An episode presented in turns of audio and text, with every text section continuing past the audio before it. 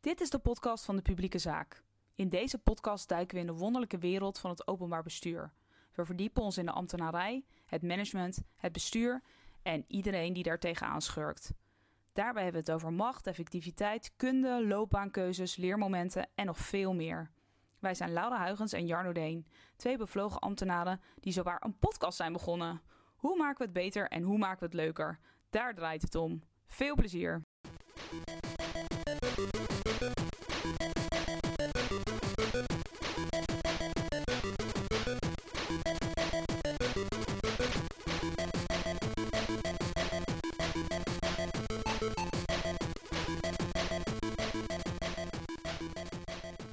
Vandaag zijn we te gast op het Binnenhof en praten we met Guido Ranja. Guido is adviseur communicatiebeleid bij de Rijksvoorlichtingsdienst, onderdeel van het ministerie van Algemene Zaken.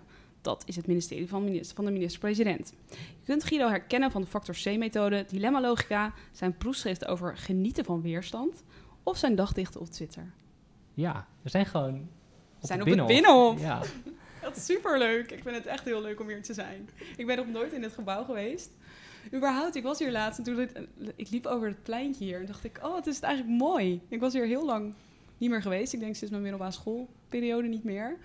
Dacht ik, oh, nou, heel leuk idee dat we dan hier ook Ja. echt zie, zie, binnen je dat, zijn. zie je dat zelf nog?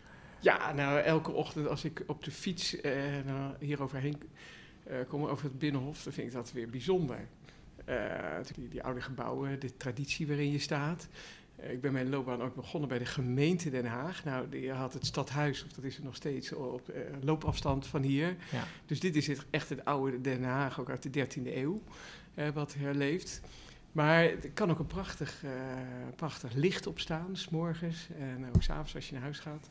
En elke dag komen hier zo ongelooflijk veel mensen overheen. Dus toeristen, maar ook wat je net zei, st- studenten en scholieren. En eh, ja, de, de kamer waar ik zit, die, die grenst ook aan het Binnenhof. En dan in de zomer staan de ramen open. En dan hoor je ze wel eens eh, dingen zeggen als algemene zaken. Wist je dat? Dat we ook een ministerie van algemene zaken hadden. Wat doen ze daar? Ja. En zitten wij boven hard ons best te doen om Ja. te werken aan, want dat is de belofte van eh, algemene zaken, aan de eenheid van het regeringsbeleid. ja, want het is wel een goede vraag. Wat, wat doet Algemene Zaken? Ja, algemene zaken is er eh, voor de eenheid van het regeringsbeleid. Dat klinkt wat plechtig, maar ja, dat komt er toch op neer dat we eh, ooit een keer hebben afgesproken, ehm, dat wil zeggen het kabinet, eh, om onze uiterste best te doen om het ergens over eens te worden met elkaar. En ehm, we weten allemaal dat kabinetten worden gevormd uit coalities, hè, dus meerderheden. En dat betekent dat er altijd tegenstellingen zijn en dingen waar je het niet mee eh, eens bent, maar er is een heleboel waar je het wel over eens bent. En ehm, daar moet je ook eh, zorg voor hebben. Dat je die eenheid in de gaten houdt. Dat je met elkaar afspraken maakt over nou, wat je, eh, waar je samen in optrekt. Maar als je kijkt naar het dagelijks werk van de mensen bij Algemene Zaken, dan staat heel veel in het teken van de, het bijeenkomen van het kabinet. De ministerraad vergadert op vrijdag. Ja. Eh, beelden kennen we ook allemaal wel van het Binnenhof, als die de ministers eh, aankomen of weggaan en eh, soms ook staatssecretarissen. Nou, dat toewerken naar zo'n moment van vrijdag, rond allerlei kwesties. Maar nou, op het moment dat we het gesprek voeren, het is heel veel te doen rond het coronavirus en de impact die dat heeft voor het onderwijs, voor nou, iedereen Ja. in het land, gezondheidszorg enzovoort. Nou, dat zijn momenten, dan maak je gezamenlijk afspraken. Dat is overigens niet de reden geweest dat het ministerie ooit is begonnen. Want dat is een, eh, een, een- ja, eigenlijk een heel andere kwestie geweest. Dat is dat de minister van Financiën, eh naar verluid kwam die te laat thuis en zijn vrouw zei, nou dat is nou wel even mooi geweest. En eh, toen, toen zei hij, ja maar ik, ik heb zoveel tijd nodig om ze allemaal in de gaten te houden voor de begrotingsdiscipline. Dat Ja. iedereen op Ja. tijd zijn cijfers bekend maakt. Nou, en toen is er besloten, we zaten, en toen had je eigenlijk het ministerie van Financiën, dus er geen algemene zaken. 80 jaar geleden ongeveer is dit geweest. En toen is er besloten om een apart ministerie te maken. Met eerst maar echt een paar mensen. En eh, een stuk of vijf, zes. eh, als onderdeel van eh, Financiën. Met een minister van Algemene Zaken. Die minister-president werd. Dus de voorzitter van de ministerraad. Ja. En inmiddels zitten we met een ja, dikke 400 mensen hier. Oh, toch Maar- zoveel, ja. Ja, maar we zijn nog steeds wel het kleinste ministerie. Men zegt wel eens met de grootste mond. Eh, want hier zit de Rijksvoorlichtingsdienst, Ja, eh, waar ja. ik ook deel van uitmaak. En dat zijn mensen die ja, eigenlijk voortdurend aan het kijken zijn hoe is die overheid goed bereikbaar, hè, vindbaar. Uh, gewoon vis-à-vis, -vis, dus dat je de overheid in het gezicht kan zien, kan opbellen, maar ook vindbaar via social media, uh, via het internet. En aan de andere kant, hoe kan die, die, die overheid zo goed mogelijk presenteren wat er aan de hand is? Duidelijk zijn ja. in als een doen en steeds meer laten. Want als overheid laten we steeds meer. We laten het ook steeds meer over aan anderen. Maar in sommige kwesties, nou waar we het over hebben, als er een, een crisissituatie is, dan kijkt iedereen wel degelijk heel erg naar gemeenten, provincies, ja. maar ook het Rijk. Van wat is gebeurd? Wat gaan we doen? Ja, en, wat adviseren jullie ons? En wat adviseren ja, zo, voelt het volgens mij in dit soort kwesties wel echt. Ja. Ja.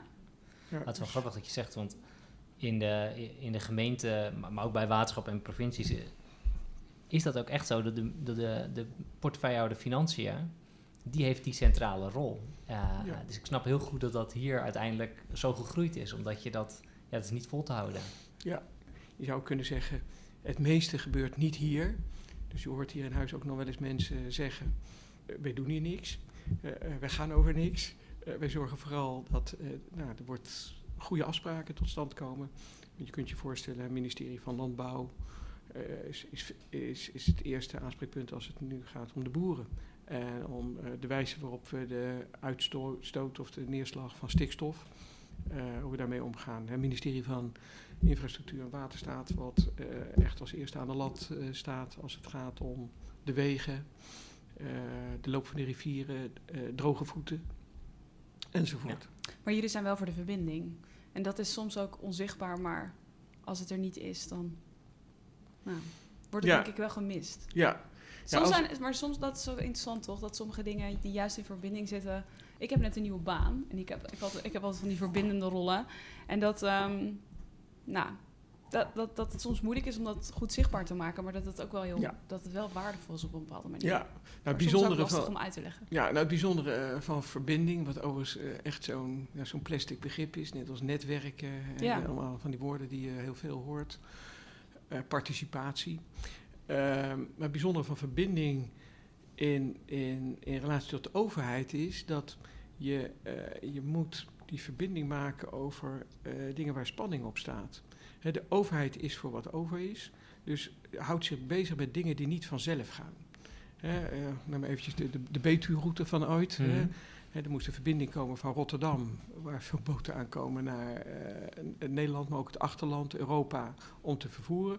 Als bedrijfsleven zelf zo'n spoorweg kan aanleggen, is er geen overheid nodig. Maar er is kennelijk iets nodig waardoor het niet vanzelf gaat. Hè. Eh, Hetzelfde als met vluchtelingen die, eh, die ergens moeten worden opgevangen, moeten komen te wonen, moeten, nou, eh, of juist niet. Hè, daar moeten beslissingen over worden genomen. Nou, daarvoor is overheid. En om daar dan verbinding over te maken met de mensen die ertoe doet. Bij die vluchtelingen bijvoorbeeld de plaats waar ze komen wonen, maar je kunt je ook voorstellen, dus in heel Nederland eh, is het aan de orde. Dan is die verbinding is heel vaak ehm, juist het zoeken naar tegenbinding. Dat is een begrip overigens van eh, Kees Schuit, dus een staatsraad. Die was altijd, eh, vond ik, prachtig in zijn taal. Maar die zei, bij overheid moet je bij verbinding altijd denken aan tegenbinding. En daaronder verstaat hij, eh, in mijn woorden, maar dat je altijd moet zorgen dat mensen er heel kritisch naar kunnen blijven kijken.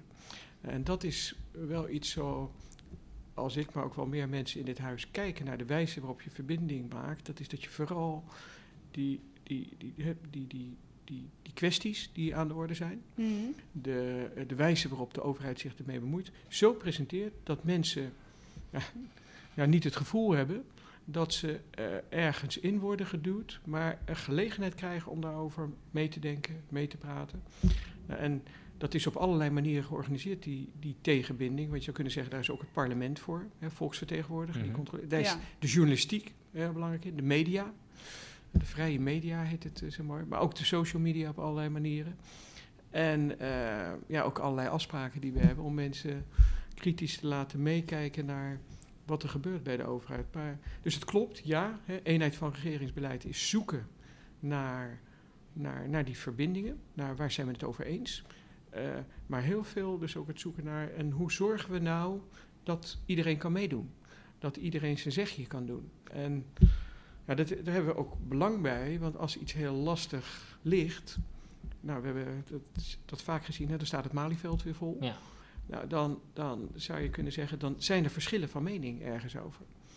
En we opereren in de, in, in de context van een democratie. En een democratie is, ja, dat is ervoor om met meerderheid besluiten te nemen over kwesties die niet vanzelf gaan. Nee. dus dat is soms maar handen. 51 procent. Ja. Nou, en eh, dan betekent het dat ja, mensen moeten kunnen demonstreren, tegen gas geven, eigen stem ontwikkelen. En ja, dat, bet- dat betekent dus voor communicatie, wat mijn vakgebied is, dat we enorm aan het kijken steeds zijn voor ja, hoe kan iedereen meedoen? Hoe kan iedereen zijn stem laten horen? Snappen we echt wat er aan de orde is? Laatst hoorde ik dat ook. Was een boer die was op tv en die zei: Ja, ze hebben het maar steeds over boeren. Maar eh, ik eh, ben netsfokker en ik wil niet vergeleken worden met, nou, er kwam er iets aan, met bijvoorbeeld een varkenshouder. Ja. En een varkenshouder kan ook zeggen, nou ja, maar die, die, die mensen met die legbatterijen, hè, eh, dat vind ik geen boeren. Of zo. Oftewel, voor je het weet, eh, gebruik je een begrip hè, waar je verbinding op wil maken, in dit geval even het begrip Ja. boer. En ligt dat veel Genuanceerder. Genuanceerder, Ja, ja. Zitten er veel meer schakeringen onder. Ja. Ja. Nou, En dat betekent dat, dat ja, ons vak heette vroeger voorlichting. Dat is heel mooi. eh, dat je dus met iemand Ja, met dat een is licht... zo, ja. Vroeger was het voorlichting altijd. ga je ook bij gemeenten. Ja. Ja. Dan ga je iemand met een licht voor. Dat is Ja. natuurlijk een prachtig idee. Ja. Hè, dus dan leg je het nog één keer uit. Leg het nog een keer uit. Ja. nog één keer iets uit. En nu is het veel meer dat we kijken van kun je het contact maken, al- juist ook over wat schuurt. Ja, en waar we dan een beetje, ik zeg meer vakmatig ook de eer in leggen. Kun je, je kunt daar niet vroeg genoeg mee beginnen. Nee. Hey, is dat dan ook een ontwikkeling van de laatste jaren? Of is dat iets wat al veel langer speelt, maar wat gewoon een hardnekkig... eh, En dan wat bedoel je? Dat nou ja, eigenlijk de ontwikkeling die je, die je nu schetst over dat je, hoe, je, hoe je tegen het communiceren met de buitenwereld aankijkt. Ik kan me herinneren dat ik werk... Ik heb tien jaar bij een waterschap gewerkt en toen ik daar net begon, denk ik, dus dat was in 2010, toen begon daar de term van buiten naar binnen. eh, en dat beetje de, filosofie eh, die, je- die bespreekt, die begon toen bij die organisaties een beetje binnen te komen, om het zo maar even te zeggen. Was dat hier toen al veel langer aan de gang eh, op algemene zaken, of is dat ongeveer gelijktijdig? Ja. Nou, het je ziet wel dat er op dit moment ongelooflijk veel eh, aandacht is bij mensen die de overheid maken, hè, de bewindslieden, eh, eh, ambtenaren, eh, mensen van brancheorganisaties, koepels, zoals wat jullie zeiden, waterschappen, Mhm. eh, individueel burgers. Dus heel veel aandacht voor snap je mij? Ik denk wel eens dat dat soms een beetje de, de belangrijkste vraag is. Mensen willen gesnapt worden. Ja. En moet ik niet snappen dat je iets gestolen hebt, maar dat, dat mensen willen zien dat je hen snapt, begrijpt. Eh, is dat nieuw? Dat is op zich helemaal niet nieuw. Dat is zolang er overheid is, maar dat, dat is er al heel lang. Dus ik ben begonnen zeg ik, eh, in het stadhuis van Den Haag en dat, ja, dat, zal ik nooit vergeten, maar daar staat dus op de gevel staat een tekst die al in 1565, kan dus in de 16e eeuw, dit onder woorden eh, bracht. Want daar staat nu Jupiter quidem omnibus. En nu Jupiter quidem omnibus, dat is Latijn. Of zoals onze kinderen vroeger zeiden, Latijns. en eh, dat, eh, dat betekent, zelfs Jupiter kan het niet iedereen naar de zin maken. En zelfs Jupiter kan het niet iedereen naar de zin maken, is bijna de Belastingdienst slogan. Ja, inderdaad, Ja. ja. Maar het leuker kunnen we niet maken. Ja. Maar ik staat heel groot, sorry, sorry. Nou, en ehm, dat is vanuit een idee dat in die 16e eeuw, toen overigens gemeentebestuur en rechtspraak hè, nog, nog met elkaar Ja. verbonden waren, Ja. dat is later natuurlijk pas, pas uiteengehaald. Maar vanuit een besef wat er toen heel sterk was, wij zitten hier helemaal geen leuke dingen te doen. Dus dat is volgens mij ook een, een, een, iets wat je als overheid moet begrijpen. Ook als je bezig bent met verbinden of contact maken Mhm. of eh, dingen uitleggen of eh, nou, op vragen in te gaan. In, in, in de kern is wat de overheid doet helemaal niet leuk. Dus de overheid doet dingen die niet vanzelf gaan. En ik zeg dat, dat ook om dat dat besef nu dus heel sterk aan de orde is, omdat heel veel mensen daar vragen over stellen en ook heel ontevreden zijn en we door de media, de veelheid van media, het veel meer zien. Maar Ja, maar, maar het is altijd al aan de orde Ja, het is altijd aan de orde. En, maar we hebben natuurlijk nu wel een hoop ehm, kwesties waar, eh, waar je merkt dat er keuzes gemaakt moeten worden die een hoop mensen gaan merken. En eh, ja, in die zin zitten we natuurlijk ook in een tijdperk waar dingen aan het verschuiven zijn misschien. Dus dat, en dat is, weet je, er zijn altijd moeilijke keuzes te maken, maar die, die liggen ook echt op het bordje van de overheid. Ja, dat nou, merken we nu wel. Ik, bedoel, ja. dat- ik denk dat we het ook heel lang hebben gehad dat het Malieveld wat minder vaak, wat minder vol stond. Ja. En dat is van de laatste. Ja, nou ja er zijn natuurlijk nu heel veel eh, virtuele ma Mali-veldjes. Want Ja, je hoeft niet meer, eh, je kunt ook in je trekker stappen of je kunt met, eh, met, met alle onderwijzers of verzorgenden naar Den Haag trekken. Maar er zijn allerlei andere platforms, manieren om je stem te laten horen. En ja, ik, ik puzzel daar ook nog wel eens mee van, is dat nou echt nieuw? Want eh, dus die, dat mensen eh, eh, boos zijn over wat er gebeurt, die overheid die zich ergens mee bemoeit, of eh, de, nou, boosheid is iets Ja. negatiefs, maar je zou ook kunnen zeggen die verlangen naar gehoord te worden, dat ze serieus worden genomen, dat ze niet op één hoop met elkaar worden gegooid. Dat is wat ik even bedoelde met dat, dat voorbeeld van het begrip boer. Ja. Ja. Hè, dus dat mensen eh, eh, zich echt, nou, ik, ik noemde het net gesnapt, eh, Ja, maar zien, we maar ook gezien. dat- is erkend. Zie je, Ja, zie je belang. ja. Zie je dat je, luister je echt? Ja. Ja, en het is vooral, ik denk wel eens dat twee ontwikkelingen heel belangrijk zijn. Eén is dat het, eh nou, daar hinten jullie net al een beetje op, hè, dat het is allemaal veel beter zichtbaar. Hè, dus iedereen is in staat, wat zou ik toch wel kunnen zeggen, iedereen is in staat om te informeren, om te mobiliseren, om zich van zich te laten horen, om een website op te zetten, om een platform op te zetten. Dat is, dat is één heel belangrijk eh, ding. En het tweede is dat we door eh, ja, waarschijnlijk vooral wel financiële eh, redenen steeds minder vanzelfsprekend vinden dat de overheid iets doet. Ik, ik heb ooit gehoord dat de gemeente Amsterdam, die heeft heel lang nog een gemeentelijke groenteboer gehad. En eh, waar je dus naartoe kon gaan nou, als je weinig geld... Maar nu een voedselbank is voor een deel Ja, is van de overheid, is van anderen. Het nadenken over dat, dat, dat dit soort afwegingen... Hè, gebeurt dus in steeds meer zichtbaarheid eh, onder een groot vergrootglas. En het is veel minder vanzelfsprekend. Dat zie je nu bij dat coronavirus ook, maar allerlei eh, ontwikkelingen die er op dit moment zijn. Dat zeggen, wat moet, wat moet die overheid nou doen en wat ik doe? En ehm, een, een, ja, een derde ontwikkeling naast die zichtbaarheid en dat, dat het, het ter discussie stellen van de vanzelfsprekendheid van de overheid is volgens mij wat men wel New Public Management noemde. Dat we zijn een keer in de jaren negentig van de vorige eeuw echt helemaal doorgeschoten. Want toen dachten we, als er een probleem was, meteen maar, nou moet de overheid wat doen. Moeten wij het doen? Ja, Ja, maar dat is zo erg dat, eh, dat, je, eh, dat je ook wel in gemeenten, maar ook wel bij waterschappen, prov- bij provincies ziet, dat sommige mensen hebben het idee gekregen, als ik een probleem heb, dan moet ik eh, een mailtje sturen naar de overheid en die gaat er wat doen. Dus als ik overlast heb van, Ja. van de, het café eh, naast mij, in plaats van dat ik dan naar die, dat café toe loop, ga ik eh Ga ik googlen. omhoog en dan moet die het oplossen. Ja, en dan ga ik Ja. wachten en dan... Ja, maar ja, die overheid in de jaren negentig heeft ook de suggestie gewekt... Ja, als je maar een mailtje stuurt, dan sturen we iemand erop af. Ja, ja. Nee, en niet die overheid moet erop af, jij moet erop af. Ja. Nou, en dat gesprek daarover, dat is nu aan de orde. En daarvan denken mensen soms, ze mieteren het als overheid over de schutting. Anderen zeggen, nou, hadden ze veel eerder mee moeten beginnen. En weer anderen zeggen van, het gaat me allemaal te snel. Of wat je bijvoorbeeld ouderen hoort Ja. zeggen, die zeggen, ja, ik moet alles maar digitaal doen, maar ik wil als ik boos ben iemand gewoon over een toonbank kunnen eh, trekken. Ja, of ik Ja, kan en- het lezen. Ja. En overigens, dat is niet uniek voor overheid, want dat maken bedrijven ook mee. ja. Eh, Albert Heijn heeft lange tijd ook die slogan gehad. eh, was het lands grootste kruidenier blijft op de kleintjes letten. En dat was typisch ook zo'n voorbeeld dat ze aan de ene kant wilden laten zien we zijn heel groot.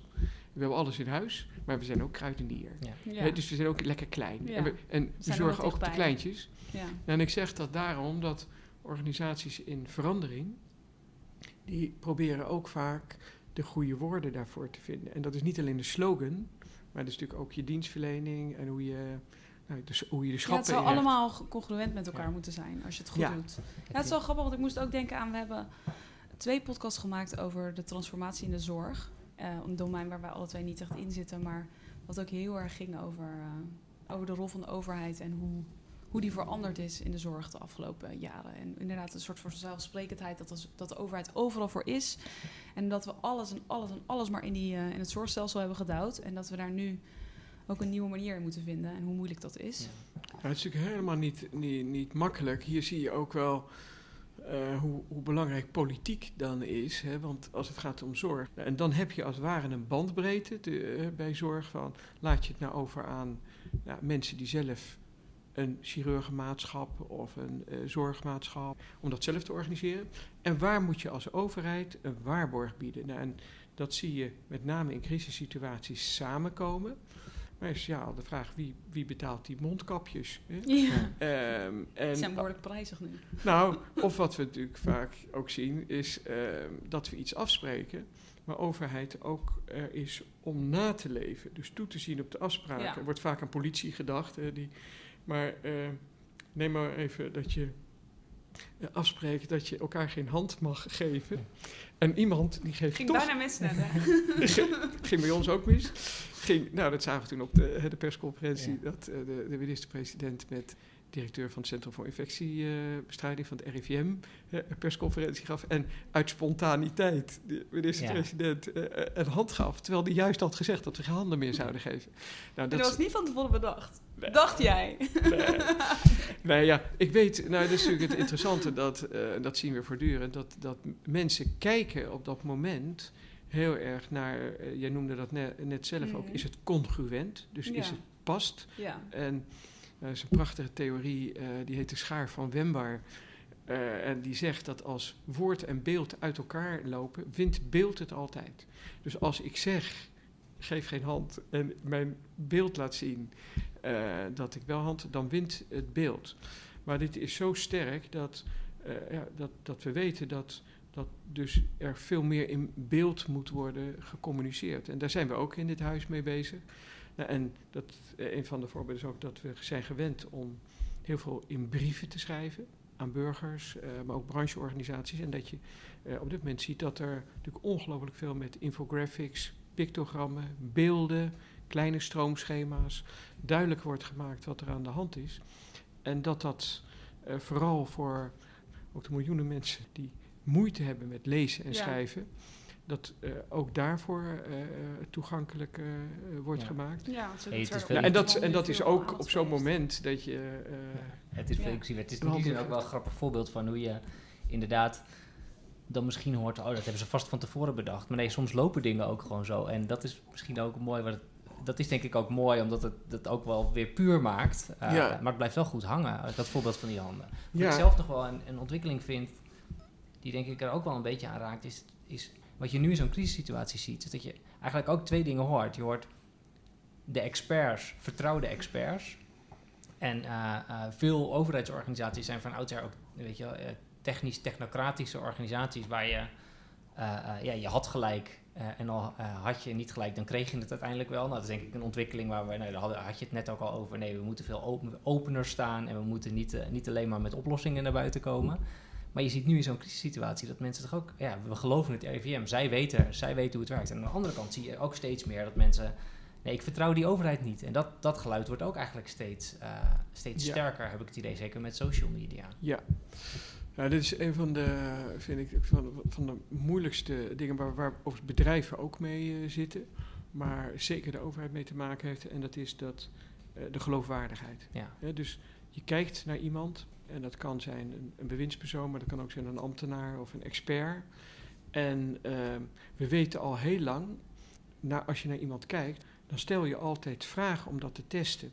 Er is wel onderzoek naar gedaan en er werd gezegd dat als mensen met elkaar boodschappen uitwisselen, zijn er eigenlijk altijd drie vragen die ze, die ze stellen. Waarom moet ik dit weten?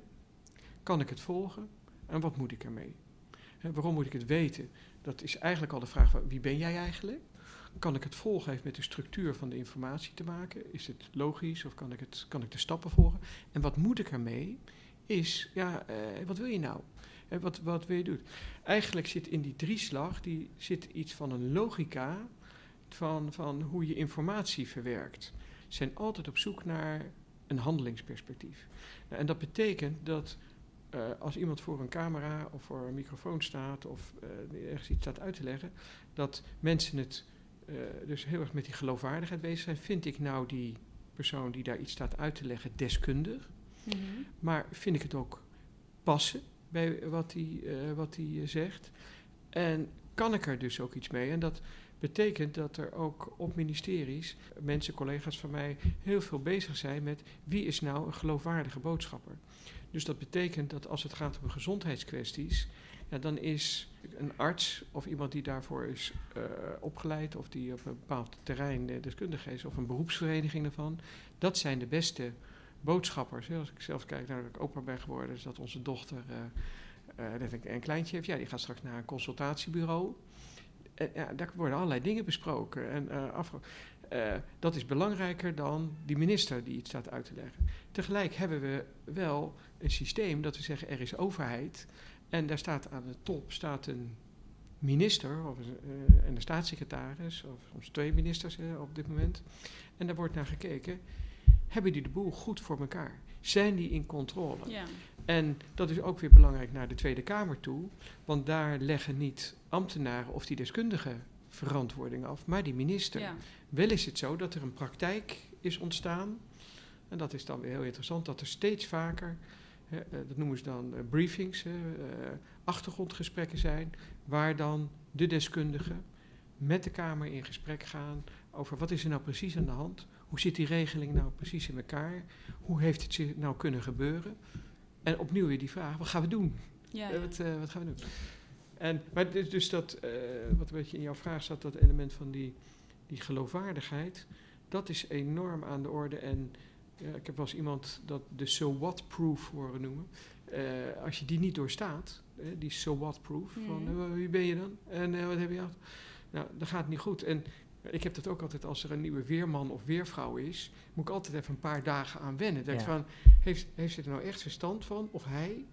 En eh, nou, dat, dan doe je dus hetzelfde. Ja, je moet En- een soort bewijs Nee, maar dat of bij- zo, ja, maar op ik een heb dat- bepaalde manier. Ik heb dat zelf nu ook. Ik werk sinds 1 januari bij, eh, bij het ministerie van INW. En weet je, je komt binnen en je hebt de functie, maar, ben je, maar straal je ook al uit dat je dat bent. Weet je, wel? je mag natuurlijk, iedereen heeft zijn inwerkperiode, maar ook daar moet je op een gegeven moment voor jezelf zeggen: ja, ik ben dit gewoon. Want Ja. ja, zo, als ik al niet vind dat ik het ben, eh, als ik mezelf niet serieus neem, dan nemen andere mensen me ook niet serieus, heeft iemand ooit een keer tegen me gezegd. Ja, dat is uiteindelijk wel hoe het werkt. Nou, dus het geldt op het niveau van, van, van, van jou als individuele ambtenaar. Het geldt in een relatie, geldt het ook. Ja, iemand die ik eh, nog heel graag eh, zie op tv is eh, ja, die, die vorige president van Amerika, Obama. Die, waarvan ik nooit vergeet dat hij midden in die financiële crisis. toen kwam hij een keer op tv en toen. nou, iedereen was helemaal boos over die, nou, wat de banken hadden aangericht. Hè, zo werd het toen geframed. zo. En wat gaat u nu doen? Dus dan kijken ze naar de overheid, wat gaat u doen?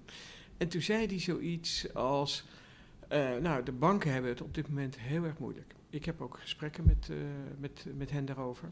Want ik kan me voorstellen, die hebben heel wat uit te leggen. En je zal maar bank zijn in deze tijd. En je hebt natuurlijk ook behoefte aan vertrouwen. Want mensen brengen je geld en rekenen erop dat dat goed wordt eh, belegd. En ik ben ook heel benieuwd of ze daar uitkomen. En één ding, wat mij betreft, ze kunnen, moeten kunnen rekenen op een overheid die helder is over de kaders. Over wat er wel kan en wat niet. Nou, dat ging zo nog even door. Maar toen dacht ik, wat is dat eigenlijk knap? Want wat hij op dat moment doet, is hij krijgt dus de vraag, wat gaat u doen? En hij geeft als antwoord, hij geeft wel aan dat hij heldere kaders kan stellen, maar vooral benoemt hij degene die Die aan zet zijn. die aan zet Ja. zijn. En dat zijn die banken. Maar hij doet, deed dat bovendien op zo'n manier dat je niet het gevoel had dat hij zit ze alleen te beschuldigen of zo. Nee. Nee, hij brengt ze als het ware in positie. Nou, en dat vind ik een heel interessant iets. Als je dus communiceert met anderen, kun je er altijd voor kiezen. Eh, ga je iemand eh, natuurlijk meer vermanend toespreken van eh, zo kan het niet anders. Ga je iemand een beetje helpen? Of, nou wat gebeurt er? Hè? Dus eh, het voorbeeld wat ik iedereen die die cursus waar wij elkaar ontmoeten heb genoemd was dat ik door, uh, een keer door het rode stoplicht ben gefietst. Uh, het is natuurlijk een vreselijke dag, zal ik in mijn leven nooit vergeten. Want ik rij natuurlijk nooit, ik stop altijd voor ja, het rode tuurlijk, stoplicht, tuurlijk. Uh, iedere burger. Maar toen reed ik, was morgens vroeg om zeg maar kwart over acht bij ons in de vruchtenbuurt waar ik woon, in Den Haag. En toen werd ik opgewacht door een politieagenten. En die, uh, dat is niet de bedoeling eigenlijk. Hè. En die uh, politieagent die hield mij aan. En die had allerlei dingen tegen me kunnen roepen. Hè. Zo van, waarom zijn wij door het rode stoplicht gereden? of, uh, u krijgt een boete.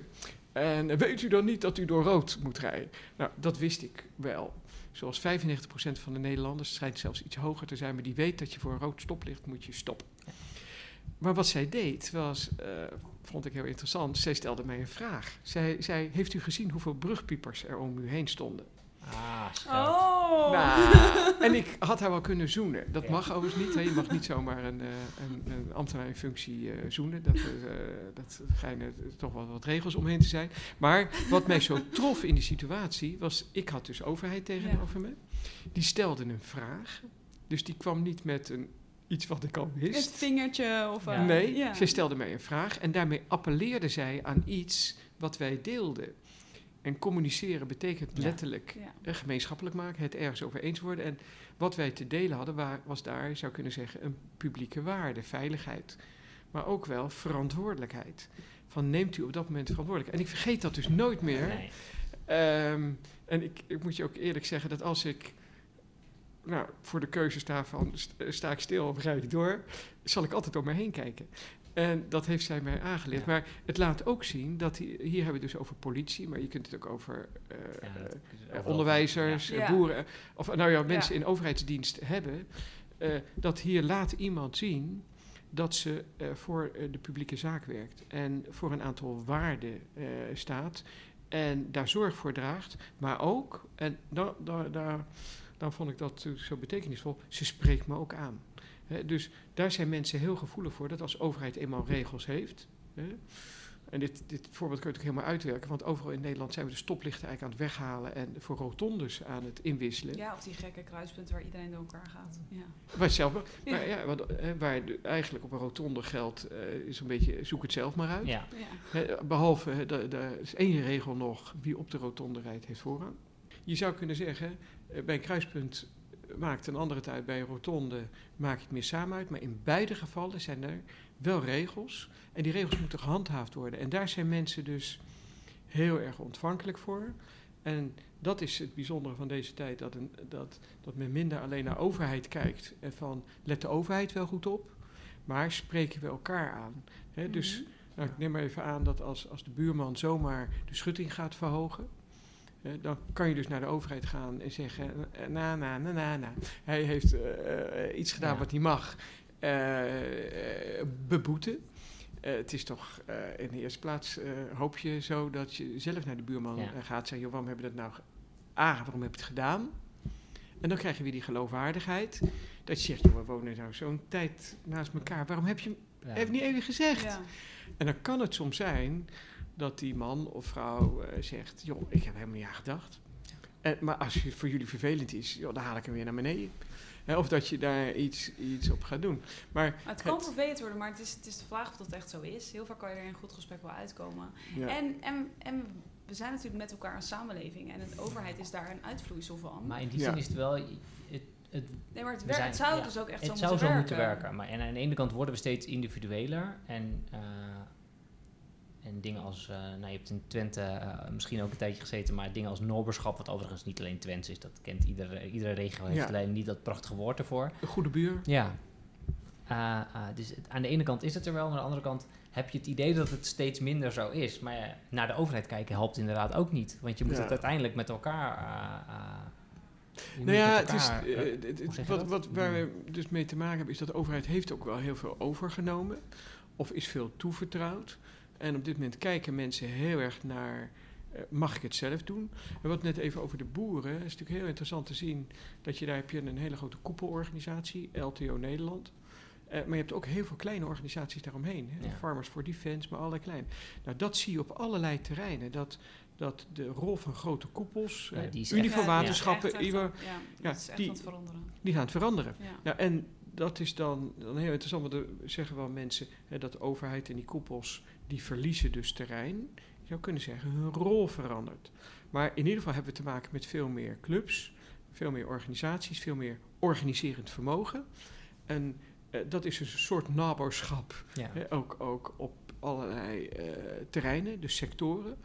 En eh, de overheid is wel steeds meer bezig om te kijken, kunnen we dat een handje helpen? Of Hè, eh, dat beroemde kwadrant van de NSOB met die sturingsperspectieven of rollen van de overheid. Ja, eh, welke rollen zijn het ook alweer? Even voor de, voor de luisteraars die niet bij een NSOB-cursus zitten. De rechtmatige overheid, dat is zeg maar de overheid die moet zorgen voor de, dat, dat je de wetten naleeft en dat iedereen gelijk behandeld wordt. De presterende overheid, de, degene, ja, dat we ook hè, gewoon prestaties moeten leveren, wat in een belastinggeld. En dat moet niet alleen eerlijk, maar het moet ook, we moeten er ook iets voor leveren. En dan hebben we de andere kant van het model, en dat gaat over de, de netwerken en de responsieve overheid. En dat doe je veel meer samen. Dus je doet het of samen in netwerken, of je, laat het, of, of je wordt als uit, overheid uitgenodigd of uitgedaagd. Of nou ja, überhaupt niet gevraagd, omdat mensen het gewoon zelf gaan doen. Ja. Dat en linkt heb je wel- ertoe te verhouden. Dat linkt wel een beetje En dat aan- is echt, dat is, nou ja, weet je, alle rol, en de rollen, is- de ene is niet beter dan de ander. Ze, zijn, ze bestaan naast elkaar. Dat, Dat het linkt een beetje aan die tweebenige overheid waar we het met AG Tellerman over gehad hebben. Ja. Ja, dat Ja. lijkt er een beetje op, ja. Ja, met Veenstra Ja. hebben ze dat Ja. ontwikkeld. Ja, Ja. Heel, heel, heel interessant. Nou, en dan zou je kunnen zeggen dat naborschap, waar zit dat dan? Hè, eh, nou, dat speelt er eigenlijk dwars doorheen. Want ook in een, in een buurt, net als in een gezin of in een relatie, ja, heb je dingen waarin je elkaar eh, gewoon helemaal vrij laat. Maar ook het maken van een paar afspraken. Bijvoorbeeld hoe laat je eet. Eh, en dan hangt het van de aard van de relatie af. eh, wat er dan gebeurt als je te laat komt. Maar meestal ga je daar toch wel schappelijk mee om. Als je afspreekt dat je om zes uur eet en je komt ongevraagd om half zeven binnen en het gaat niet goed in de relatie, dan, nou, dan eh, is, het meteen mot, ze- gaat mis. Maar meestal is het, joh, had me even geappt hè, of gebeld. Nou, zo is er in een naberschap of in een relatie, maar is ook in, in, in rond een opgave die er is, en dat kan ook zijn rond energie, rond, nou, bedenk maar wat, het, het omgaan met, met, met water wat kan stijgen, of nou, de, de organisatie van de zorg, zie je dat, dat we kunnen niet nabor genoeg zijn, hè? we kunnen niet, niet genoeg naast elkaar staan. Eh, maar soms zijn de situaties dat dat minder makkelijk gaat of niet snel genoeg. Nou, en in crisissituaties zie je, dat is heel bijzonder, dat het vaak razendsnel gaat. Ze- Zoeken mensen elkaar heel snel op. Kijken ze ook heel snel naar die overheid. Dan zie je ook dat, dat overheid, burgemeesters bijvoorbeeld, kunnen enorm populair worden in, eh, in crisissituaties. In andere situaties zegt, waar, waar bemoeien jullie eigenlijk mee? Eh, kun, ga eens even wieberen, ga wat Ja, anders doen. ja. Eh, maar in alle gevallen komt het er wel op aan van, eh, jij noemde het helemaal aan het begin van het gesprek, dat verbinden. Hoe zijn mensen in staat om elkaar te vinden? En ja, Hannah Arendt noemt dat zo mooi, hè, die, die Joodse politieke denker, interesse. Eh, zijn we in staat tot interesse ertussen zijn? En dat, ik vind dat een, een heel mooi begrip, interesse. Van, want als je interesse in elkaar hebt, hè, dan vind je elkaar dus interessant, dan, dan, dan zoek je elkaar op. Ja. En dan, zou je idealiter dus niet alleen in staat zijn om te verbinden op dingen waar je het mee eens bent, maar ook tegenbinden. Nou, en daarom dat we het in dit huis, dit ministerie, maar ook bij de overheid, denk ik op heel veel plekken zo ongelooflijk belangrijk vinden dat mensen dat gesprek aangaan. Niet alleen op het moment dat ze elkaar nodig hebben, als het dus misgaat Mhm. vaak, maar juist al eerder dat je die relatie Ja. hebt. Dat een relatie Ja. goed is, zodat Dat je makkelijker... Ja. En dat er een, Ja. dat er, ja, maar dat, als je een relatie Nou ja, ook hebt, als je elkaar kent en je weet Ja. wat van elkaar wat belangrijk is, dan kan je daar ook kan je Ja. uiteindelijk als het dat- moeilijk wordt, wordt het- is het Zo wel... herkenbaar. In mijn, in mijn huidige werk ehm, ben ik eigen, doe ik eigenaarsadvisering voor de SG van INW. eh, voor, ehm, want die zijn eigenaar van de luchtverkeersleiding Nederland. Dus eigenlijk is dat relatiemanagement tot op zekere hoogte met een, eh, met een zelfstandig bestuursorgaan. En dan is het wel fijn als je gewoon van elkaar weet. Eh, Ja. nou ja, weet je, je hebt een bepaalde relatie tot elkaar, dat is ook helder. De lijnen zijn ook gewoon helder. eh, Ja. eh, maar als je daar op een, goede, op een goede manier met elkaar mee omgaat, dan, eh, dan is het goed. Dus je moet altijd aan de relatie werken. Ja. Dat is ook in, in dat soort Nou ja, dit is een thema wat mij, als, als ik een rode draad in mijn, eh, want ik werk een jaar of eh 35 denk ik. Ja, want waar ben je begonnen? Eh, maar even, dat, dat, the- de- dat, thema is dus die, dat, dat, dat het, het vinden van die verbinding over ongemak. Ik denk wel dat dat steeds terugkomt. Want ik, nou, ik heb ooit sociale academie gedaan. Oké. Ik wilde directeur van een bejaardentehuis worden. Ja, dat was eh, toen het plan. Ja, dat, was, dat leek me helemaal mooi. En eh, mijn vrouw ook, eh, toen nog vriendin, die, die zag het toch helemaal voor me. En dat ik dan jarig was en dan kreeg zij een bloemetje en dan kwamen al die mensen en dan gingen we samen gebak eten. Maar dat was in een periode 1978, 79 dat dat eh bejaardenhuis, dat, je- gingen mensen ook op hun 65ste naartoe. En eh, dat, eh, dat was net als dat je gevangenen ging naar een gevangenis, eh, ja, gingen, gingen bejaarden gingen naar vergelijking. En, Ze willen eh, eigenlijk gevangenisbewaarder worden, maar met de harde kantjes eraf. Ja, en dat waren een soort dorpen en gezelligheid. En als je nu naar een verzorgingshuis kijkt, dan zitten eigenlijk alleen mensen die een indicatie hebben en die de zorg echt nodig hebben. Enfin, in de Het 78, is eigenlijk nu meer een gevangenis dan dat het toen was. nou of gevangenis, Nou, het- er wordt veel zakelijker naar Ja. gekeken en dat was toen aan de orde. Ja. Dus ik merkte al heel gauw, ze hebben geen mensen nodig met maatschappelijk engagement, maar goede rekenmeesters die heel goed Ja, sociaal-economisch kunnen. Ja. Dat zag je ziekenhuizen ook. hè. In die tijd was nog de geneesheer-directeur was de baas van het ziekenhuis. En nu tegenwoordig ja, heb je met een beetje mazzel heb je nog een directeur patiëntenzorg, maar er is een, een economisch directeur of een algemeen directeur Ja. die leiding geeft. Ja. Enfin, toen ik dat zag, hè, toen dacht ik van ik moet iets anders eh, gaan doen. En eh, toen wist ik dat ik heel graag eh, schreef. Ik schreef ook al in een periode van die sociale academie twee dagen per week voor het Welzijnsweekblad. Dat bestond toen. Dus je had altijd al iets met taal. Ik had iets met taal. Ja. Nou, en toen ben ik, dat was wel heel logisch, eh, mijn afstudeerscriptie gaan maken over de opkomst van voorlichting in het welzijnswerk. Dat was in 1982. En toen ben ik gaan werken als voorlichter in, het wel, in een welzijnsinstelling, eh, eerst in Rotterdam. eh, waar ik ja, gehandicapten voorlichtte over hun rechten, bijvoorbeeld op het gebied van eh, belastingen. Maar ook op de wijze waarop ze aan hulpmiddelen, voorzieningen konden komen. En het Rotterdamse publiek over toegankelijkheid. Dus het, het, het tegengaan van drempels. Ja, en ja. zo. Nou, en daar hebben we toen films gemaakt en andere. En toen merkte ik dat ik dat, dat voorlichten, wat later communicatie is gaan eh, heten. Ik ben nooit zo blij geweest met, die, eh, met die, dat nieuwe begrip. Ik vind voorlichting eigenlijk nog altijd wel een heel mooi eh, woord. Dat je elkaar met een licht voorgaat. Maar die, toen ben ik voorlichter bij de gemeente Den Haag geworden. Waar ik net al over zei, Ja. dat oude stadhuis. Daar- toen ben ik cursussen gaan doen op het gebied van voorlichting en public relations. Daar Ja. ik op. En toen ben ik ook lid geworden van een beroepsvereniging. Die Ja, hebben dat is best wel een grote, eh, eh, want ik ken een aantal mensen uit de communicatiehoek die er volgens mij ook allemaal daar lid en actief Ja. in zijn. Het is best wel een leuke club, of niet? Ja, logeion heet dat. Dat is een eh, begrip dat, staat voor een verhoging op een toneel. Dat, dat in het Grieks heet dat een, eh, ja, zo'n plek waar je... Dank dat je het even uitspreekt, want ik wist, ik, ik, ik, Logeion. wist- ja, ik wist dus niet hoe ik het moest zeggen. Ja. Ik dacht dat het een of andere Engelse term was, maar ik dacht ik Nee, het is Grieks. Grieks Ja. ja. Maar goed, Logeion, er zijn 4500 mensen lid. Ook eh, hebben een heel enthousiaste jong eh Logeion eh, afdeling. Maar aanvankelijk was er een overheidsonderdeel. ook het was een, eh, eerst een vereniging voor, voor overheidscommunicatie en een eh, beroepsvereniging voor communicatie meer voor PR. Nou goed, Ah, dat ja. is samengegaan. Ben ik ook lid van geworden.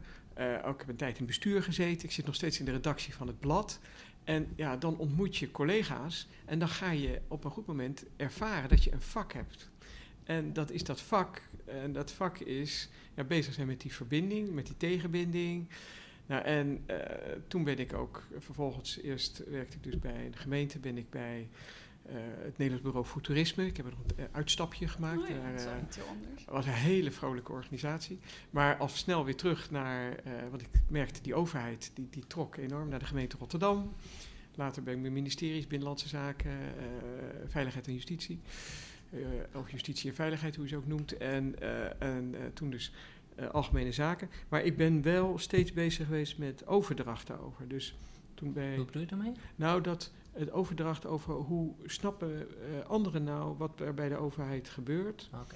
En hoe eh, helpen we iedereen die bij de overheid werkt goed te communiceren. Dus je noemde in je inleiding even de factor C-methode. Ja? Dat was in 2002, 2003. Toen was er net een staatscommissie geweest onder leiding van eh, Jacques Wallage, oud-burgemeester Mhm. van Groningen. Ehm, en die zei, communicatie is eigenlijk te belangrijk om aan communicatie mensen over te laten. Er zijn er zo ongeveer 3500 van eh, in eh, de Rijksdienst, maar er zijn wel 110.000 mensen die bij de overheid Ja. werken aan de loketten, op straat, eh, nou, waar, waar je het maar Ja, kunt want voorstellen. Wat, je vaak ziet is En die factor C werd gezegd, dat is eigenlijk dat in al hun handelen moeten die mensen moeten niet alleen die factor J, dus zeg maar, juridisch goed, eh, ja? Ja, of de factor eh, eh, F of E, weet je, het geld, ja. maar ze moeten hun, waar jullie het net over hadden, die relaties moeten ze op orde hebben. En toen ja, hebben we een denkmanier, een, een, een, eh, de methode, de factor C-methode gemaakt, die zei, ja, als je nou werkt bij de overheid, zorg nou dat je in alles wat je doet, altijd je vergewist van wie je toe doet, wat voor hem belangrijk is, wat hun vragen zijn, hoe je daarop antwoord geeft. en je dat in je brieven, in je wet en regelgeving, echt ook op het niveau van de naamgeving. Ja, ja, maar Ja. altijd, altijd met Ja. de gedachte van, altijd van je doet het voor, je doet het voor mensen. want en wat je- niet eh, Ja. Nou, en voor, wat jij de doet- organisatie of de Ja, en dus dat eh, wat jij doet, is van andere mensen. Ja, Hè, die overheid is van andere mensen. Die is niet van, eh, van een minister-president of van een, van een minister. Nee, die is van mensen in het land die daar ook voor Van ons. betalen, die voor, voor kiezen. ja. Ja, want wat je vaak ziet is dat er. Dus dat, dat, dat verzuchten mensen uit het communicatievak wel eens van ja, weet je wel, dan eh, eh, wordt er iets gemaakt en dan mag ik het nog even eh, eh, vertalen naar buiten toe of zo. Terwijl het natuurlijk veel beter is als je vanuit, dat vanaf het begin Ja. al gedaan hebt. Ja, ik heb het wel eens de afdeling beleidsreparatie ook genoemd. Eh, dat, Oh, dat dan, is dan, dan is er iets gemaakt en dan wordt er gezegd, kan je, nou, kan je daar nou even een, een leuke naam voor bedenken? Of een, eh, een, een, een, een leuk beeld bij bedenken? Een vormpje. Of noem het anders. Hè? Dus dan, nou noem het nou maar geen bezuiniging, maar noem het maar eh, een afweging in breder kader.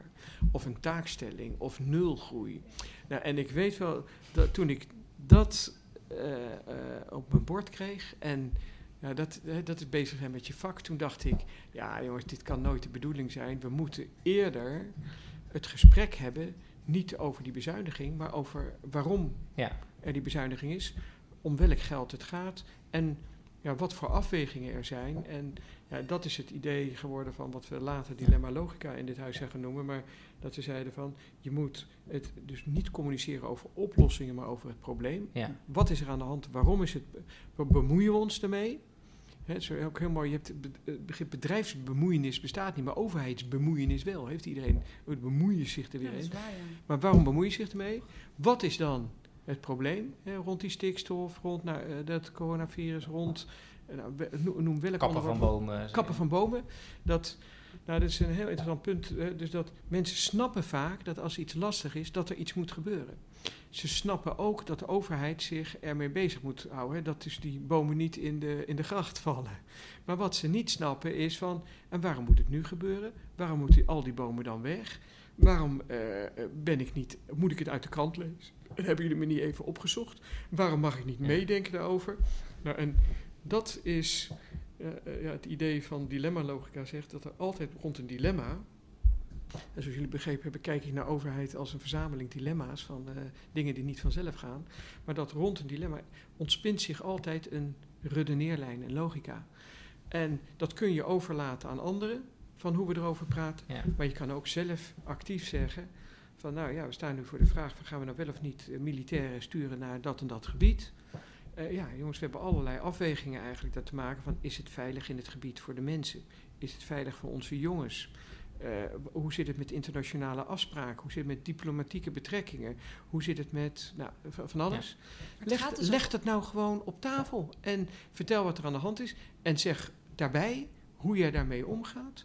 En hoe jij dus met dat, nou, je zou kunnen zeggen, dat mandaat wat mensen Ja, aan het gaat dus ook over ze meenemen in, zodat ze het beter... Ja. Nou ja, Ja, ehm, ja, meenemen. En ja, soms meenemen, is het maar ook, maar ook heel luisteren, serieus nemen. En ook, maar ook de andere kant. Dat Ja. je... Dat je ja, en, en dat vind ik ook wel echt een interessante. Want ik vind het een, een prachtig idee. Ehm, maar het Maar? staat. Maar, nou, nee, ik vind- en? nee, ik vind, het, ik vind het echt een heel mooi idee. Maar je ziet er tegelijkertijd ook dat er een soort hang is naar alles simpel maken. En eh, weet je wel, met een kant-en-klare oplossing komen. Dat er ook... ehm, ik heb soms het idee dat in organisaties en ook in de politiek... dat er, dat er ook heel veel... ehm, ja, nou, dat er ook een soort druk is om... om eh, ja, want nee, misschien is dat het. Dat dilemma-logica heel logisch klinkt als jij het uitlegt en ook heel eh, aantrekkelijk. Maar dat er ook een soort druk is om misschien dat andere te doen. nou ja, Omdat als je kijkt naar Hè? van Omdat waar dat je daar mensen... ingezogen Ja. wordt. Maar als je kijkt, eh, en dat is wel de bedoeling, hè, als je eh, kijkt naar waar mensen zich echt zorgen over maken, dan kom je vaak achter dingen die je eerst helemaal niet hebt gezien. Ik neem even bij die Oostvaardersplassen, vond ik dat ook zo, zo, zo, zo intrigerend eigenlijk, hè, waar dieren doodgingen en eh, die werden toen afgeschoten. En je kan je herinneren, en iedereen werd enorm boos over van waarom doen jullie dat? En ze moeten bijgevoederd worden. En er stonden ook meteen experts op en die zeiden ja, maar er staat toch een hek omheen en dan is het eh, geen natuurlijke situatie. Ehm, eh, dus ja, dan moet je gaan ingrijpen. En overigens schieten we niet alle dieren dood, maar alleen een bepaald aantal dieren en een bepaalde soort dieren enzovoort. En het heeft ook nog eens te maken met eh, dat het gebied is afgesloten en, en er geen vlucht naar eh, het achterland, wat is het Duitsland of de Veluwe mogelijk is. Nou, een heleboel informatie kun je daarover geven. Ja. Maar als ik zie dat een dier doodgaat, ja, dan ben ik gewoon boos. Want je, gaat die, je, je maakt toch niet zomaar iets of iemand dood. Ja. Nou, en wat je ziet is, op zo'n moment is er dus een dilemma, zou je eigenlijk kunnen zeggen. En zijn mensen heel gevoelig ervoor.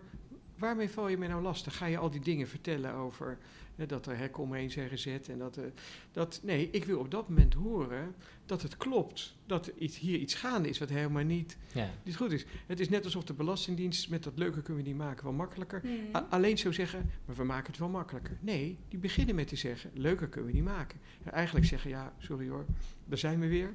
We hebben een rotproduct, maar ja, we weten ook dat u er op zich niet tegen bent dat er belasting wordt betaald. Hè, want dat is zo. Mensen zijn ook niet tegen eh, overheid. Weet u wat, we zorgen dat er zo- u er zo snel mogelijk vanaf bent. Hè. En daar is die Ja. voor ingevulde aangifte. Even terug naar dat, dat voorbeeld van die Oostvaardersplassen. Daar zag je ook dat mensen meteen, ook er ontstonden twee kampen, hè, van bijvoederen of afschieten. Ja. Dat werd ook in de media flink uitvergroot. Maar daaronder zat een, ge- een gemeenschappelijk gevoel van, van eigenlijk het houden van dieren. Van, van, we houden toch allemaal van dieren. We Ja. vinden toch dat er op een andere manier met dieren wordt omgegaan. En nou, dan, dan is dilemma-logica, zou je kunnen zeggen, is doorgrond je nou goed waar mensen boos over zijn. Mhm. Maak je ook contact over waar mensen boos over zijn? Of ben je ze meteen in een bepaald kamp aan het duwen? Ja. Nou, en hier zijn mensen heel gevoelig voor als ze dus idee hebben dat die overheid wil dat jij meteen iets vindt. Maar ik weet niet hoe het bij jullie is geweest, maar ik had heel sterk op mijn netvlies ook die, die film van de, de wildernis. Ja. En ja, dat is, zou je kunnen zeggen, achteraf eigenlijk helemaal geen eerlijke voorstelling van zaken geweest. Want dat is een, hè, daar zag je eh, alleen maar natuur. Er Ja. kwam geen, geen auto of, Nee, of precies, vliegtuig. Een of wat dan ook. geromantiseerd beeld. Geromantiseerd beeld. Eh, eh, er werd niks eigenlijk ook verteld over wat er dan... Althans, ik kan het me niet herinneren. Hè, van, van, over wat daar nou echt gaande was. En dat... eh, en dan zag je ook nog zo'n heel zielig... Er was één, één diertje, hè, wat, wat er ook een ree of zo, die, die doodging. Maar dan, dan zie je dus... Er is op een bepaalde manier is er een bepaald beeld ontstaan. Mensen hebben die basiskennis, worden ergens mee geconfronteerd. En dan moet je op dat moment, en dat zeggen overigens ook alle veranderkundige boekjes en alle theorieën zeggen, dan moet je in de eerste plaats aansluiten op dat ongemak. Dat moet er zijn. Hè. Net als dat als ergens een, een opvangcentrum voor vluchtelingen komt, dan zijn er mensen en die vragen zich af, nou wat, wat gaat, gaat dat doen met de prijs van mijn huizen? En als die alleen maar informatie horen van een burgemeester of een wethouder, ja maar deze mensen zijn toch op de vlucht en daar moet je toch compa- compassie mee hebben en jij moet blij zijn dat je een huis hebt, dan, dan ontstaat er heel gauw dat mensen zeggen, ja ho eventjes, dat begrijp Ja, ik ook precies. wel. Ja. Ik ben Ja. ook niet asociaal, maar mag ik deze vraag even stellen? En daarbij horen dan ook dat, je, dat er vragen worden gesteld die zegt, nou, is dat nou wel betamelijk? En dat zijn dan eh, ouders die zeggen van, ja, kunnen die gasten wel van mijn dochter afblijven? En dat je zegt, nou, nou, nou, nou. Ja, maar als mensen zo'n vraag hebben, moet je in de eerste plaats aansluiten op waar mensen zorg over hebben. ja, die zorg serieus nemen. Luisteren, oprecht luisteren. Juist. En dan kun, kun je een volgende stap zetten naar wat is er meer aan de hand. En kun je ook zeggen, goh, hoe zullen we het eens met elkaar hierover hebben? En dat is op dit moment aan de, aan de orde. En dat gaat dus razendsnel. Ja. Door ook door alle mogelijke manieren van media. Het is de overheid er dus bij gebaat, eh, eh, zeg ik dan maar, dat, dat je zo snel mogelijk dus naar buiten gaat. Datgene wat je als weerstand benoemt, maar ook gaat zien als eigenlijk een, ja, een behoefte aan eerlijkheid, rechtvaardigheid, zorgvuldigheid, betrokkenheid eh, enzovoort. En Ja, daarom dat men- basiswaarden eigenlijk, hè? is Die, die heel erg ook in mensen zitten. Dus dat is ook wel een interessante. Dat het gaat ook... Ja, je bent je bent als ambtenaar ook mens. Maar, maar door je functie of door je... Gaan Ja. sommige dingen soms ook verloren, denk ik. Dat is wel interessant, toch? Dat sommige Ja. dingen... Nou, Ja. En dat je dat dan ook wel weer... eh, Dat Nou er ruimte voor mag zijn, kan ook ruimte scheppen. Maar het is soms ook wel... Ik kan me ook voorstellen... ehm, dat het soms ook moeilijk is als, als, nou ja, als bewindspersoon, maar ook als, als ambtenaar. Omdat het maakt wel dat je je kwetsbaar moet opstellen. En dat je het soms ook niet... ehm, dat je Ja. misschien soms ook moet weten... Nou, luister kan altijd, hè? Maar dat het, dat het, ehm, Ja, dat het de illusie kan wekken... Of dat, dat je bang wordt dat het de illusie wekt dat je aan alles wat kan doen. Dat ja maar kijk niet naar zo is. jezelf. Wanneer wil jij of durf jij je kwetsbaar op te stellen? Ja, wanneer, wanneer doe ik dat? Als het veilig is? Ja. Of als het, of als het Ja. me heel erg raakt? Ja, dus als jij een heel erg sterke binding met een onderwerp hebt Ja. of met een omgeving, dat kan ook een afdeling zijn of een organisatie of een opdracht, of als je het gevoel hebt, ik mag ook fouten maken, Ja. Of dat zijn wel wat fouten, of ik mag iets durven, Ja, of ma- ik, Ik mag, mag met iets risico- anders, ik, mag met iets anders komen. thuiskomen. Weet je Ja, of ik mag als ambtenaar- maatwerk leveren. ja, Ik, ma- of ik mag eens het gesprek met mensen Ja. aangaan en eens eh, kijk, daarin verkennen wat er aan mogelijkheden zijn. Maar het Dan helpt ook doen. als, als, als, mijn, als, mijn, als mijn overheid vindt dat het belangrijk is, zeg maar, dat ik meer mensen inleef en zo, dan geeft dat ook Ja. ruimte Dat is wel om grappig, want goede gesprek te voeren, denk dit is ik. precies eh, bij, eh, bij INW zijn ze nu met een traject begonnen, o- overmorgen heet dat. En dat raakt er heel erg hier aan. Dus dat je als, aan eigenlijk alle dingen die we gesproken hebben, dat er toch een soort veranderopgave binnen zo'n Ja. ministerie is. Dat je eigenlijk veel meer naar buiten moet treden. Of, Ja. eh, omdat ja, je kunt wel alles in het hok zelf, maar dat betekent wel wat. En daar zit heel veel aan. Dus dat is ook niet iets van je, dat je zegt, nou jongens, ga het maar even anders doen. Ja. Nee, dan moet je echt serieus aandacht aan besteden. Nou, dat geeft dus ook aan dat het in de kern komt het ook eh, heel erg aan op eh, dat je aanraakbaar, aanraakbaar bent. En dat klinkt wat, eh, wat wollig misschien, maar dat is toch dat me- als mensen jou aan kunnen raken, of zoals wij nu ook in een gesprek zitten, als je elkaar aan kunt kijken, kan je best snel op elkaar inspelen en corrigeren. Maar als er afstand is, soms letterlijk, hè, jij zit in een toren een brief Ja. te schrijven en die gaat op de post en nou, een paar dagen later komt hij pas bij mensen. En jij ziet niet wat er gebeurt als iemand die envelop in handen heeft. En eh, als je dat niet meer ziet, of niet meer kunt zien of wilt zien, of, en dan kunnen er dingen misgaan. Dus het is voor de overheid eh, eh, heel belangrijk dat je, dat je aanspreekbaar bent, aanraakbaar. en dat, dat er feedback is op wat je doet. En daarom dat bewindslieden zijn eh één tot twee dagen eh, per week zijn alleen al op stap. Hè, Mhm. Zijn ze eh, in gesprek. En dat klinkt een beetje houtje touwtje misschien als ik dit zo zeg, maar eh, die kunnen niet genoeg moeite doen om er te zijn. Ja. En in de ogen te kijken. Want dat, dat, Te horen. Hoe zeg je? En te horen. En te horen, want dan Ja. zie je, nou, je ziet vaak, of je hoort dan, dat iemand die ergens tegen is, ook ergens voor is. En dat is een beetje sloganachtig wat ik zeg, maar dat heb ik aan Emmanuel Levinas, een, eh, een, eh, filosoof en een denker. Hij is in 1995 overleden, maar die heel veel studie heeft gemaakt van wat gebeurt er nou tussen mensen. En als je de ander in het gelaat ziet, zo noemt hij dat altijd, met een hoofdletter A en een hoofdletter G. Maar dan zie je dat iemand ergens naar op zoek is. En die op, dat op zoek zijn kan dus zijn dat. eh, dat kan iets heel inhoudelijk zijn. Dus ik wil betrokken worden bij of je wel of niet die windmolen ko- eh, komt of iets anders. Maar het kan ook zijn, ik wil, eh, ik, het voelt niet goed. En ik wil dat je mij ziet staan. Eh, Een beetje wat jij zei, een soort basiswaarde. Maslow is dat, hè, met zijn, Mhm, ja. met alles begint met veiligheid. Ben ik Ja. welkom? ja.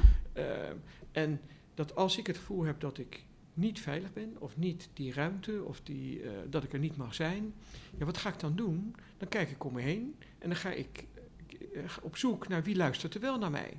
En dat is wat je dus natuurlijk ook ziet, dan ga je kijken, is er een, een wijkorganisatie? Zijn er andere buurtbewoners? Zijn er, eh, kunnen we eens een keer wat afspreken? Of is er een politieke partij? Of Ja. er een leider? Dus mensen zijn ook heel erg op zoek in hun contact met, eh, in de buurt, maar vooral ook met de politiek, naar, naar eh, ben je er echt voor mij?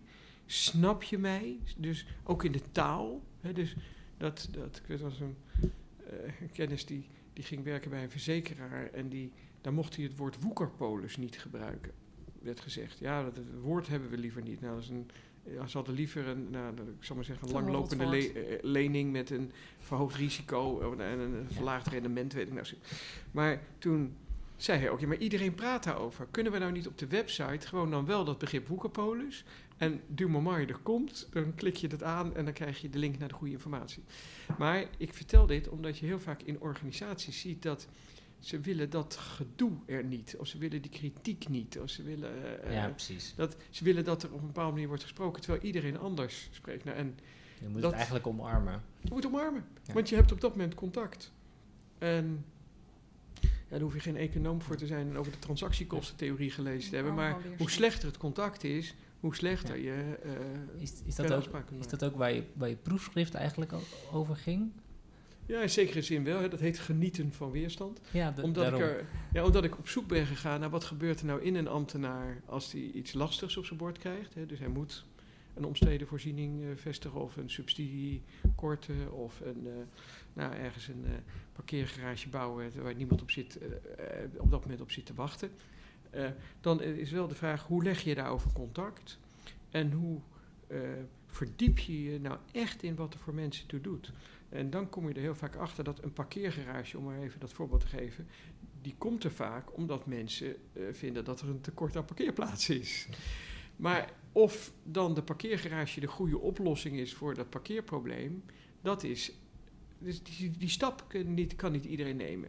Nou, en nou, eh, traditioneel, ik zou maar zeggen, communicatie 1.0 is dat je dat dan beter uit gaat proberen te leggen. Ja. Dus met een infographic of een filmpje of een tentoonstelling of nou, wat dan ook. Of een avond.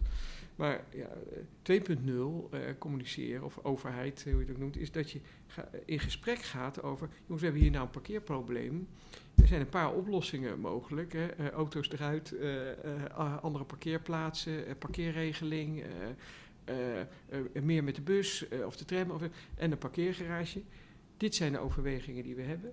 Nou, en jij werkt bij INW, daar heb je het, het, het grote programma Ruimte voor de Rivieren. Er zijn heel veel van die, van die grote programma's in het land die laten zien dat als je meteen erop afgaat. Ik hoorde dat Job Cohen een keer zeggen, die zei van alles draait om erop af. Je moet erop af.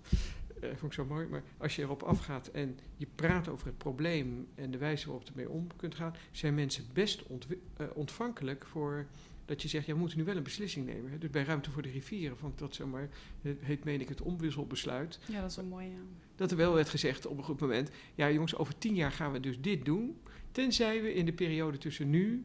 En de komende jaren andere oplossingen vinden. Oftewel, wij overheid nemen onze verantwoordelijkheid, want we moeten wel zorgen voor droge voeten. We gaan daar het gesprek over aan en weet dat we ook experts hebben die naar gaan kijken, maar we, we kijken verder dan alleen de mensen die in, aan de dijk wonen, maar ook de, Ja. nou, de ondernemers en anderen die ermee te maken hebben. En dan organiseren we het gesprek daarover. En volgens mij... Nou, ja, en het mooie is dat ze het weerstand ook een soort daarmee ombuigen. Hè? Dat je zeg maar, als je een ander idee hebt of als je iets anders wil, dat je niet in de weerstand moet, maar dat er, dat er Ja. de mogelijkheid is om het om te wisselen. En Ja, maar het gekke is dat heel vaak dus mooi. bij provincies, waterschappen, Rijk en andere, wordt het dan, ook gemeenten, wordt het dan weerstand genoemd, dat mensen ergens tegen zijn. Ik heb uiteindelijk gekozen voor die titel toen genieten van weerstand, omdat ik erachter kwam dat je kunt van dit soort processen echt genieten. Ja. En, Terwijl het klinkt bijna als een paradox, wat natuurlijk precies de bedoeling Ja. was. Maar ja, maar dat is jij bestuurskunde gestudeerd. Ja, nou, daar, daar, daar, daar zat Hoppe en die heeft natuurlijk hele dikke boeken over bestuur en beleid geschreven. En, ja. en die schreef dan ook over mensen eh, eh, die kiezen voor de overheid omdat ze powering en puzzling het leukste vinden. Hè, dus dat komt ook uit arbeidsmarktonderzoek naar voren van het ministerie van Binnenlandse Zaken. Dat je, je werkt bij de overheid omdat je van problemen houdt.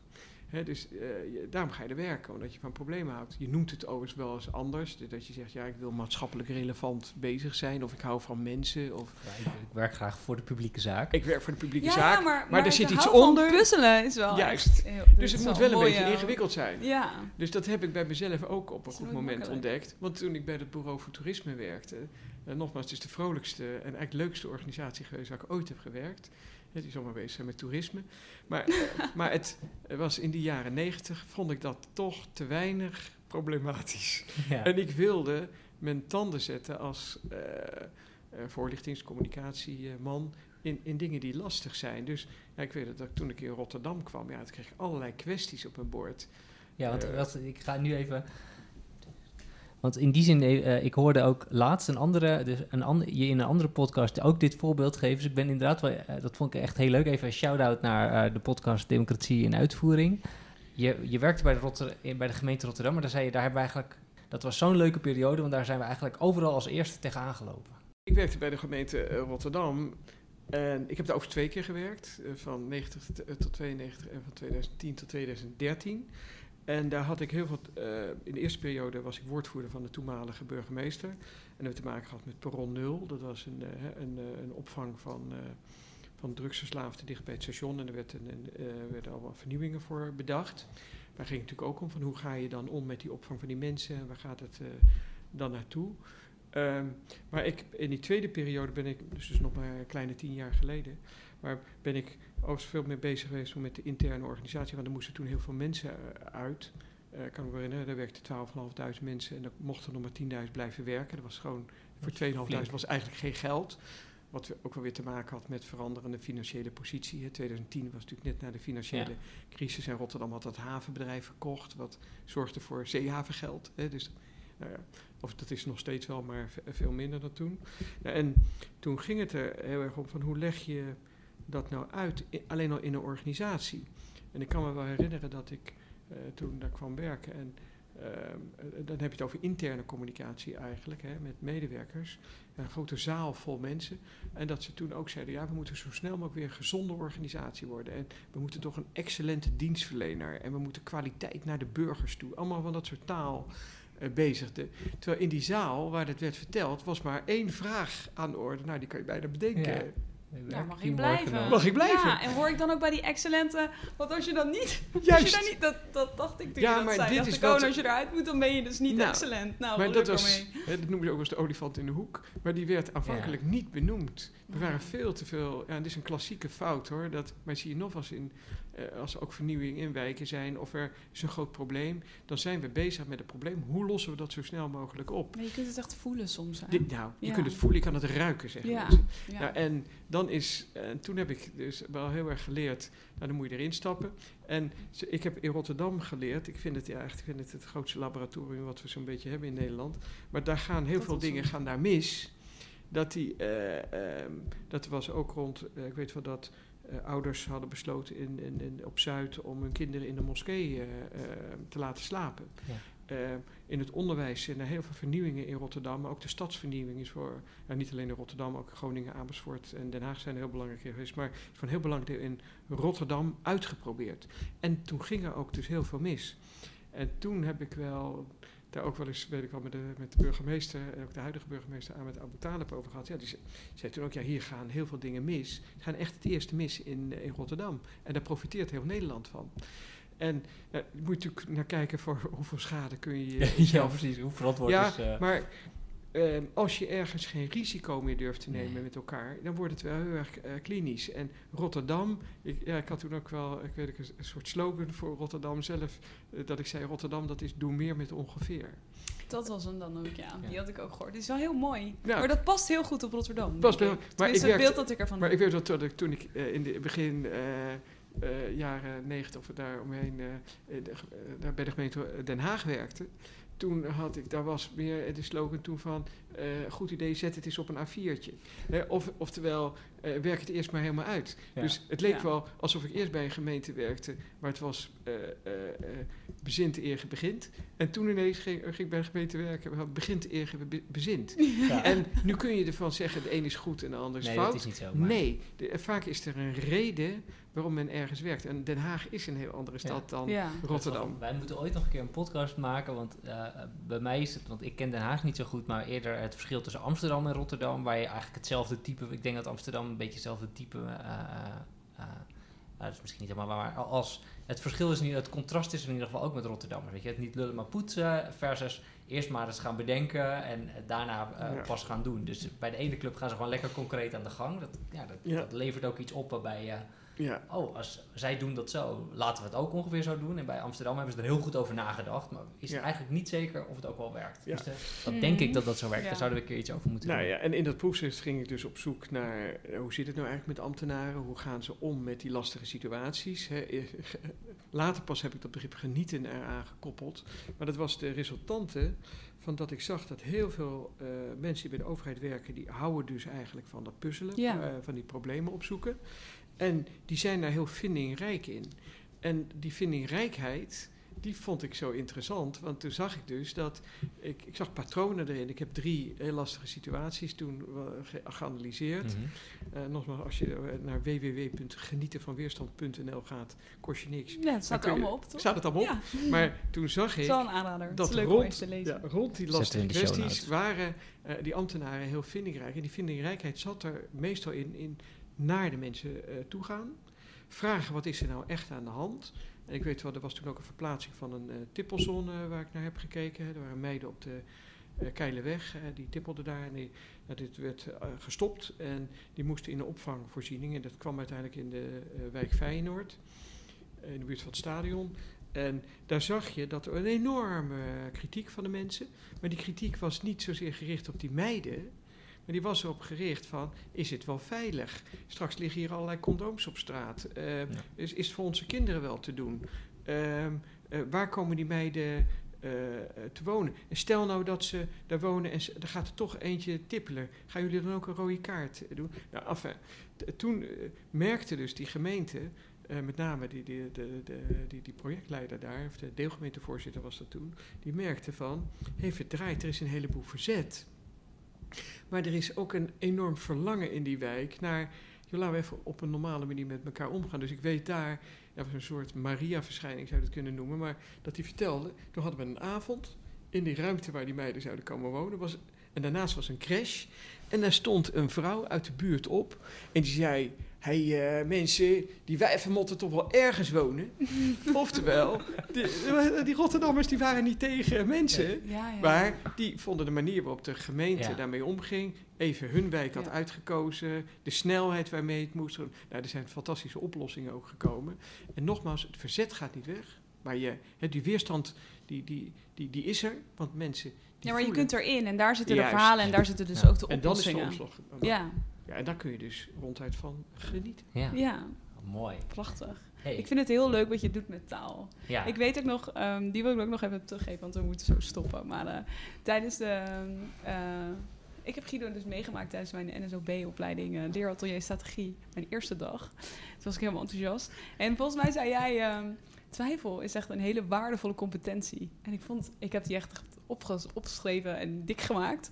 Want ik, ik heb soms het gevoel dat... Um, uh, dat het ook wordt, wordt weggezet. Net als met de simplificering en de, oh, ja. de hang naar dingen klein maken en plat te slaan en duidelijk te zijn.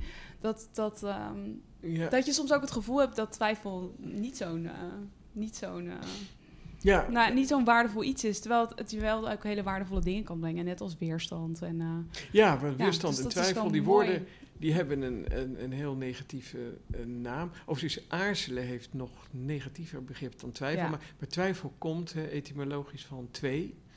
Net als dilemma, hè, ook van twee. Ja. En dat betekent dat je dus twee mogelijkheden hebt. Dus eigenlijk hartstikke gaaf. Je hebt niet één, maar twee mogelijkheden. En dus twijfelen heeft iets heel aardigs in zich. Dat je twee mogelijkheden hebt. De vraag is dus niet of die twijfel er wel of niet mag zijn, maar hoe je ermee omgaat. Nou, en, uh, ja, de positieve kant van dingen ook zien juist. of zo. Weet je, dat heel veel dingen hebben een, een keerzijde. En dat is ja. een negatieve. Maar wat is, de, wat is het goede daarvan? Ja, je hebt, soms je heb, je twee, heb je twee kaden, maar er kunnen ook twee goede zijn. Ja. En uh, ja, ik adviseer mensen ook altijd van Google maar eens op Spinoza, hè, hoe die man ooit begonnen is. In, wat was het, begin de 17e eeuw. Uh, de vader van de verlichting wordt hij ook wel eens genoemd. Maar die is daarmee begonnen. Hè, zeg wel. Die, ja, die, die zei hardop, zei die, uh, dingen als uh, van, ja, uh, las hij in de Bijbel dat Jezus over het water had gelopen. En dan zegt hij, ik kan me toch niet voorstellen dat dat letterlijk zo bedoeld is. Hè, dus die twijfelde aan yeah. wat hij las. En toen zeiden mensen, dat heb je aan te nemen. Dat staat er niet voor niks. Nou, en hij zei, nee, als ik, als ik hier niet vragen bij mag stellen, dan heb ik eigenlijk geen leven. En nou, dat is het begin geweest van zijn nou, denken en wijsheid. En he, uh, nogmaals, er zijn mensen die, die, die, hechten daar zeer aan dat je dit letterlijk neemt. Maar heel veel mensen zeggen nee. De Bijbel is ontstaan in een tijd waarin mensen over problemen, dan krijg je het weer, een manier vonden om daar woorden aan te geven. Ja. Toen zijn er mensen geweest die dat hebben opgeschreven. Toen is het Oude Testament, de, toen is de figuur Jezus gekomen. Maar dat is, een, dat is een, een, een, een manier vinden om ergens woorden aan te geven. En, uh, en daar verhalen over te hebben. En dan kom je weer ja, op gewoon het eenvoudige, want dat is iets, we doen niks anders. Uh, als we vrije tijd lezen toch graag even een, een, verhaal van een lastige kwestie. En dan lezen we hoe die held of heldin daarmee is omgegaan. Hoe die iemand is tegengekomen die hem even heeft geholpen. En er iets nieuws ontstaan. Nou, en zo zijn het door de eeuwen heen, want je kunt Spinoza noemen, je kan de Bijbel, je kan ook. Maar je kan het ook op het openbaar bestuur leggen. En je kan het ook en dat vind ik wel heel mooi. Ja, ja, ja. leuk. Ja. Guido, ik vond het echt super tof. Uh, we, we, gaan gierend uit de tijd, maar uh, het is echt een heel leuk gesprek. En eigenlijk hebben we als einde altijd de vraag van... wat zie je eigenlijk voor als de grootste opgave... Of de uitdaging. of de uitdaging voor het openbaar bestuur? Kun je daar... Uh, daar hebben we het eigenlijk al deels heel, heel lang over gehad... maar zou je daar nog uh, een korte reflectie op kunnen geven? Jee, meneer, jij bent de grootste uitdaging of opgave van het openbaar bestuur. Moet je eerlijk zeggen, ik heb er niet zo over nagedacht. Ik zou na dit gesprek zeggen: zijn we en, en, blijven we in staat om onszelf niet te serieus te nemen? Dus, dus die relativering. Er is niet voor niks ongelooflijk veel eh, aandacht voor humor. Maar de lichtvoetigheid. De lichtvoetigheid. Van Speelsheid. Wat jij net zei van dat, die andere kant, dat kun je die andere kant blijven zien. En eigenlijk staat het op ieder overheidsgebouw al, hè, of dat er staat heel vaak Audi et alteram partem. Hoor ook de andere partij. Ja. Maar het is van, kun je de andere kant zien. En uh, wat je ook thuis wel ervaart, als je vertelt over dat je iets weer heel enthousiast wordt, dat je dat soms ook thuis te horen krijgt. Oh, lekker belangrijk. nou, die uh, zou ik wel willen dat we die niet weglachen, dat zeg ik niet, maar wel relativeren en het, het, ja, de, de andere kant blijven zien. Dankjewel. Dankjewel. Dit was de podcast Publiek Werk. De muziek was van Bart de Jong. Vond je dit nou leuk? Laat vooral een recensie achter via je podcast-app. Heb je nog vragen of wil je in contact komen? Je kunt ons bereiken via Twitter, publiekwerk of jarnod1. Of je kunt ons e-mailen op publiekwerkdepodcast.gmail.com. Tot de volgende keer!